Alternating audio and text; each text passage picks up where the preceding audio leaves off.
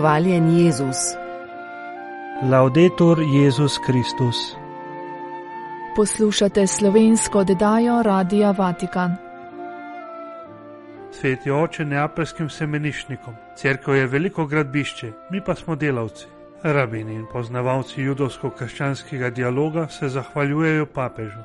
Presluhnili bomo v vodu note dikasterja za nauk vere. Zaradi veljavnosti zakramentov ni mogoče spreminjati formul in snovi, ter nadaljevanje in konec papeževe poslanice za postni čas 2024. Skozi puščavo nas Bog vodi v svobodo. Sveti oče je sprejel audienco semeniščnike in vodstvo načkofijskega semenišča v Neaplju, ki letos praznuje 90. obletnico nastanka. Govor jim je izročil branje, v njem pa crkev, duhovniško formacijo in semenišče opisal kot veliko gradbišče. Semeniščnike so spremljali neapelski načkov, rektor semenišča ter vzgojitelji in spirituali, predsednik in dekan teološke fakultete. Navzoči pa so bili tudi svetovalci psihologi, administrativno osebje, redavne sestre in tudi zakonski pari. O slednjih papež pravi, da je njihova navzočnost pomembna, se izpostavlja komplementarnost svetega reda in zakramenta svetega zakona, kajti pri formaciji duhovnikov potrebujemo prispevek tistih, ki so izbrali pot zakonske zveze. Sicer pa se papež Frančišek v govoru obrača predvsem na bogoslavce in jih spodbuja naj vsak dan gojijo lepoto vere ter svoje življenje izročijo delovanju svetega duha, ki jim pomaga prevzeti Kristusovo obliko. Zapomnimo si, da se formacija nikoli ne konča, traja vse življenje in če jo nekdo prekine, ne ostane tam, kjer je, ampak se vrne nazaj. Ko razmišljam o tem nenehnem notranjem delu, kar je duhovniška formacija in o okrogli obletnici semenišča, mi na misel pride podoba gradbišča. Cerkev je predvsem vedno odprto gradbišče. Nenehno ostaja na poti, odprta je za novosti duha in premaguje skušnjavo, da bi ohranila sebe in svoje interese. Njeno glavno delo je hoditi v družbi ustalega križanega in ljudem prinašati lepoto njegovega evangelija. In to je po papeževih besedah bistveno. To nas uči sinodalna pot, to od nas zahteva poslušanje duha in ljudi našega časa, brez kompromisov.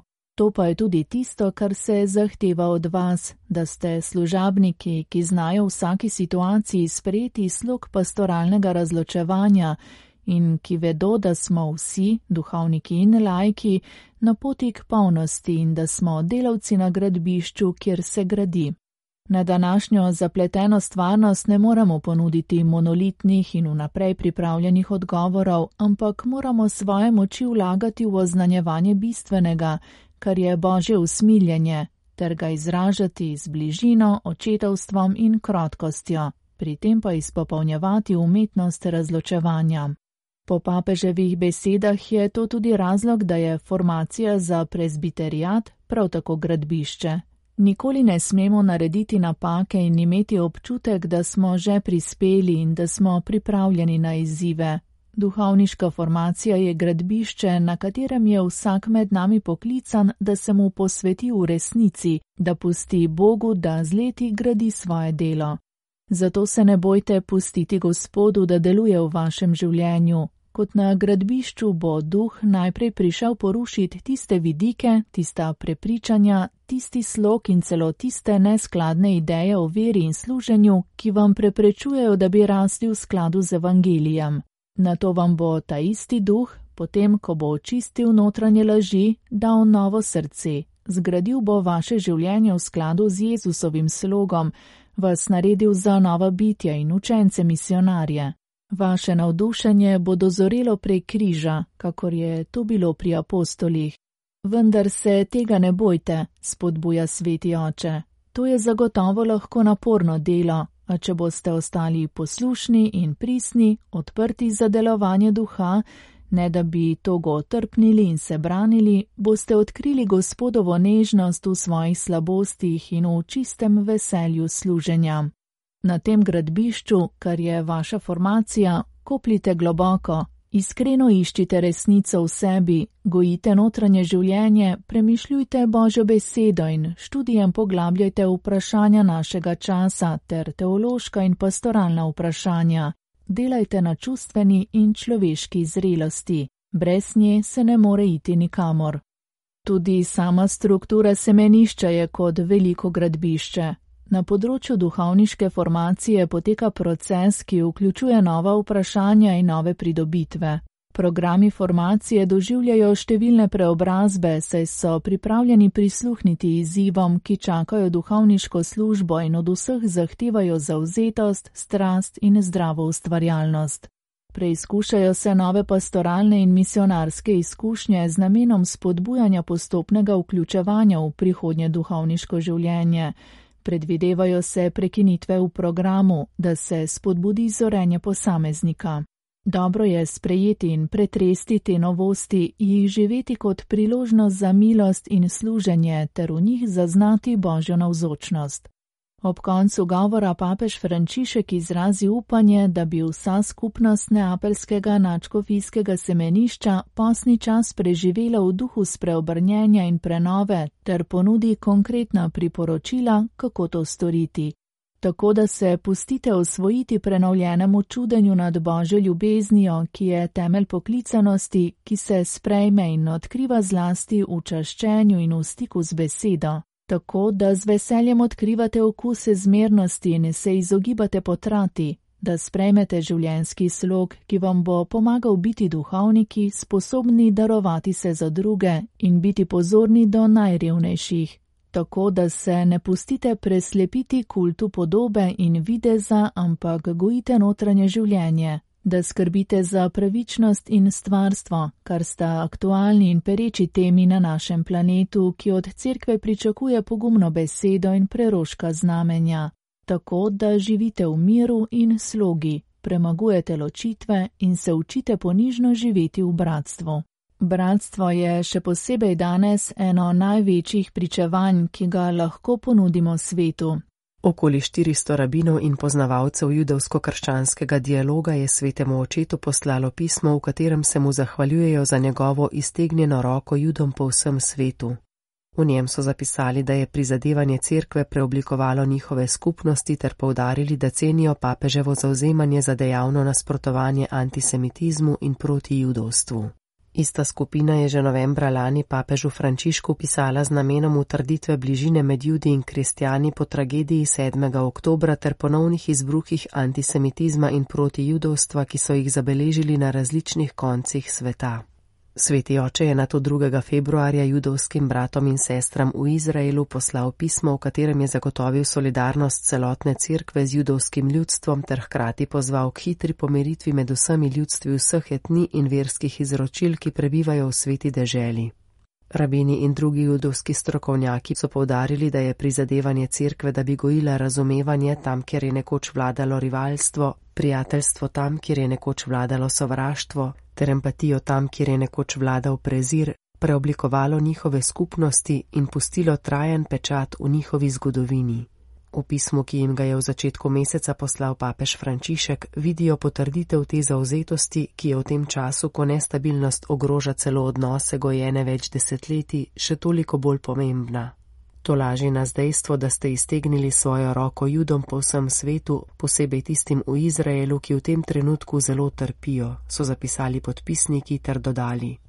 Cenimo tudi vaše prizadevanje za dejavno nasprotovanje antisemitizmu in proti judovstvu, ki sta v zadnjem času dobila razsežnosti, ki so bile večini izmed nas do sedaj nepoznane.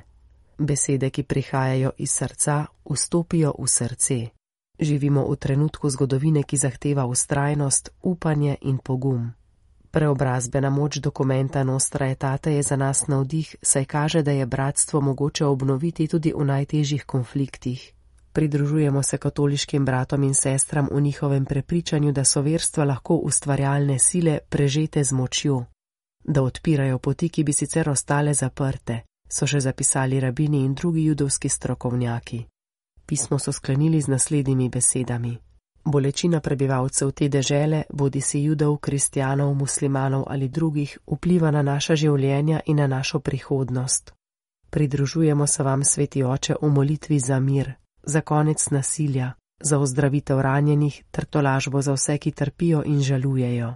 Kot je za vatikanski časopis Loservatore Romano dejala profesorica Karma Ben Johanan, koordinatorica skupine podpisnikov, so papeževo pismo sprejeli kot povabilo k poglobitvi dialoga med krščansko in judovsko skupnostjo.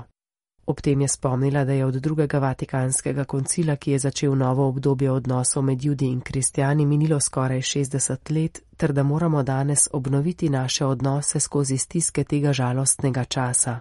Hkrati je izrazila svoje prepričanje, da so kljub trenutnim napetostim naši odnosi dovolj trdni, da jih lahko premagamo in gremo naprej. Vendar pa nas čaka še veliko dela. Preslohnemo nadaljevanju note gestis verbiskuje o veljavnosti zakramentov dekasterija za nauk vire. Ovod.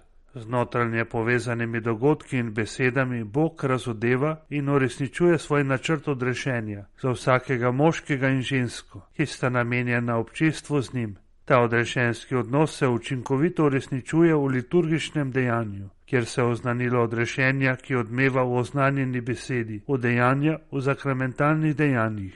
Ta namreč v človeški zgodovini ponavzočajo božje odrešensko delovanje, ki ima svoj vrh v Kristusovi veliki noči. Odrešilna moč teh dejanj daje kontinuiteto zgodovini odrešenja, ki jo Bog uresničuje v času.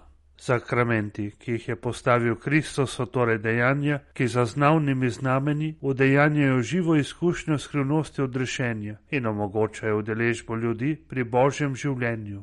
To so božje mojstrovine v novi in večni zavezi, moči, ki izhajajo iz Kristusovega telesa, dejanja duha, ki deluje v njegovem telesu, ki je crkva. Zato crkva v bogoslužju, zvesto ljubeznijo in češčenjem obhaja zakramente, ki jih je zaupal Kristus sam, da bi jih varovala kot dragoceno dediščino in vir svojega življenja ter poslanstva. Nažalost moramo ugotoviti, da se bogoslužno obhajanje, zlasti obhajanje zakramentov, ne vrši vedno v polni zvestobi obredom, ki jih predpisuje crkv. Ta dikasterij je večkrat posredoval, da bi razrešil dvome o veljavnosti obhajanja zakramentov v okviru rimskega obreda, o neopoštevanju liturgičnih predpisov. Včasih je moral zaključiti z bolečim negativnim odgovorom, ob ugotovitvi, da so bili v teh primerjih verniki Evropani tistega, kar jim pripada, se pravi velikonočne skrivnosti, ki se obhaja na obredni način, ki ga je določila crkva. Kot primer bi se lahko sklicevali na obhajanje krsta, pri katerih je bila zakramentalna formula spremenjena v eni od svojih bistvenih prvin, zaradi česar je zakrament postal ničen. S tem pa je bila ogrožena prihodna zakramentalna pot tistih vernikov, za katere je bilo potrebno z velikimi nevšečnostmi ponoviti obhajanje ne le krsta, ampak tudi pozneje prejetih zakramentov. V nekaterih okoliščinah lahko ugotovimo dobro vero nekaterih služabnikov, ki nepazljivo ali iz iskrenih pastoralnih utemeljitev obhajajo zakramente s preminjanjem bistvenih formul in obredov, ki jih je določila crkva morda zaradi tega, da bi jih po njihovem mnenju naredili bolj primerne in razumljive. Pogosto pa zatekanje k pastoralnim razlogom, pogosti tudi nezavedno zakrinka subjektivistični premik in manipulativno voljo. Na ta način se pokaže tudi izobrazbena vrzel, zlasti glede zavedanja vrednosti simbolnega delovanja, ki je bistvena poteza liturgično zakramentalnega dejanja za pomoč škofom pri njihovi nalogi pospeševalcev in varohov liturgičnega življenja delnih crkva, ki so jim zaupane. Namerava dikasteri za naokvire v tej noti ponuditi nekaj elementov doktrinalnega značaja glede razločevanja o veljavnosti obhajanja zakramentov, pri čemer je pozoren tudi na nekatera disciplinarna in pastoralna ozadja. Poleg tega namen tega dokumenta velja za katoliško crkvo v celoti vendar se teološko dokazovanje, ki ga navdihuje, včasih zateka k kategorijam, ki so značilne za latinsko izročilo. Zato je sinodo ali zboru hierarhov vsake vzhodne katoliške cerkve zaupano, da ustrezno prilagodi pojasnila tega dokumenta z uporabo lastnega teološkega jezika, kjer se ta razlikuje od tega, ki je uporabljen v besedilu. Rezultat je zato potrebno pred objavo predložiti v potrditev dikasterijo za nauk vire poslanica svetega očeta Frančiška za postni čas 2024. z naslovom Skozi puščavo nas Bog vodi v svobodo. V postu odkrijemo nova merila za presojo in skupnost, s katero napredujemo po cesti, po kateri še nismo hodili. To prinaša seboj boj. Jasno nam o tem pripovedujejo druga Mojzesova knjiga in Jezusove skušnjave v puščavi. Božjemu glasu, ki pravi: Ti si moj ljubljeni sin in ne imej drugih bogov poleg mene, namreč nasprotujejo laži sovražnika. Bolj kakor faraona se moramo bati malikov. Lahko bi jih imeli za njegov glas v nas. Smeti vse, biti priznan od vseh, premagati vse. Vsako človeško bitje čuti v sebi zapeljivost te laži. To je stara cesta. Na ta način se lahko navežemo na denar, na določene načrte, ideje, cilje, na svoj položaj, na tradicijo, celo na nekatere ljudi. Namesto da bi nas vodili v srečanje, nas bodo postavili drugega proti drugemu. Vendar pa obstaja novo človeštvo, ljudstvo malih in ponižanih, ki niso popustili miku laži. Medtem ko maliki tiste, ki jim služijo, naredijo neme, slepe, gluhe in negibne, so v bogi v duhu takoj odprti in pripravljeni, tiha moč dobrega so, ki skrbi za svet in ga podpira. Čas je za delovanje in v postnem času delovati pomeni tudi ustaviti se. Ustaviti se v molitvi, da bi sprejeli Božjo besedo in ustaviti se kot samarijan ob ranjenem bratu. Ljubezen do Boga in ljubezen do bližnjega je ena sama ljubezen. Ne imeti drugih bogov pomeni ustaviti se pri Božji navzočnosti, pri mesu bližnjega. Zato molitev, miloščina in post niso tri neodvisne vaje, ampak en sam gib odpiranja, izpraznjenja, ven z maliki, ki nas obremenjujejo, proč z navezanostmi, ki nas vržejo v ječo. Tedaj se bo oslabljeno in osamljeno srce prebudilo. Torej moramo upočasniti in se ustaviti. Kontemplativna razsežnost življenja, ki nam jo bo post pomagal ponovno odkriti, bo pritegnila nove energije. V božji navzočnosti postajamo sestre in bratje, drug drugega čutimo z novo silovitostjo. Namesto grožen in sovražnikov najdemo sopotnice in sopotnike. To so božje sanje, obljubljena dežela, po kateri se stegujemo, ko pridemo iz sužnosti. Sinodalna oblika cerkve, ki jo v teh letih ponovno odkrivamo in gojimo, vabi, da bi bil post tudi čas skupnih odločitev, majhnih in velikih odločitev proti toku, ki so sposobne spremeniti vsakdanjost ljudi in življenje v neki soseski, nakupovalne navade, skrb za stvarstvo, vključevanje spregledanih in preziranih. Vsako krščansko skupnost vabim, da stori sledeče, da svojim vernikom nudi trenutke za premislek o svojih življenjskih slogih, da si vzame čas za preverjanje lastne navzočnosti na svojem področju in prispevek k njegovemu izboljšanju. Gorje, če bi bila krščanska pokora takšna, kakršna je razžalostila Jezusa. On tudi nam pravi, kadar se postite, se ne držite čemerno kakor hinavci. Kazijo namreč svoje obraze, da pokažejo ljudem, da se postijo. Na obrazih naj se raje vidi veselje, se čuti von po svobodi, se sprosti tista ljubezen, ki prenavlja vse stvari, začenši z najmanjšimi in najbližnjimi. To se lahko zgodi v vsaki krščanski skupnosti. Kolikor bo ta postni čas pot spreobrnenja, bo izgubljeno človeštvo začutilo sunek ustvarjalnosti, blisk novega upanja. Tako kot mladim, ki sem jih srečal v Lizboni lani poleti, bi vam rad rekel: iščite in tvegajte, iščite in tvegajte. Na teh zgodovinskih čereh so izzivi ogromni in ječanje boleče. Gledamo tretjo svetovno vojno po koščkih. Toda sprejmimo tveganje in pomislimo, da nismo v agoniji, ampak pri porodu, ne na koncu, ampak na začetku velike predstave. Za takšno razmišljanje je potreben pogum, to je pogum spreobrnenja, izhoda iz sužnosti. Vera in ljubezen držita za roko to deklico upanje, učita jo hoditi, istočasno pa jo ona vleče naprej. Blagoslavljam vse vas in vašo postno pot.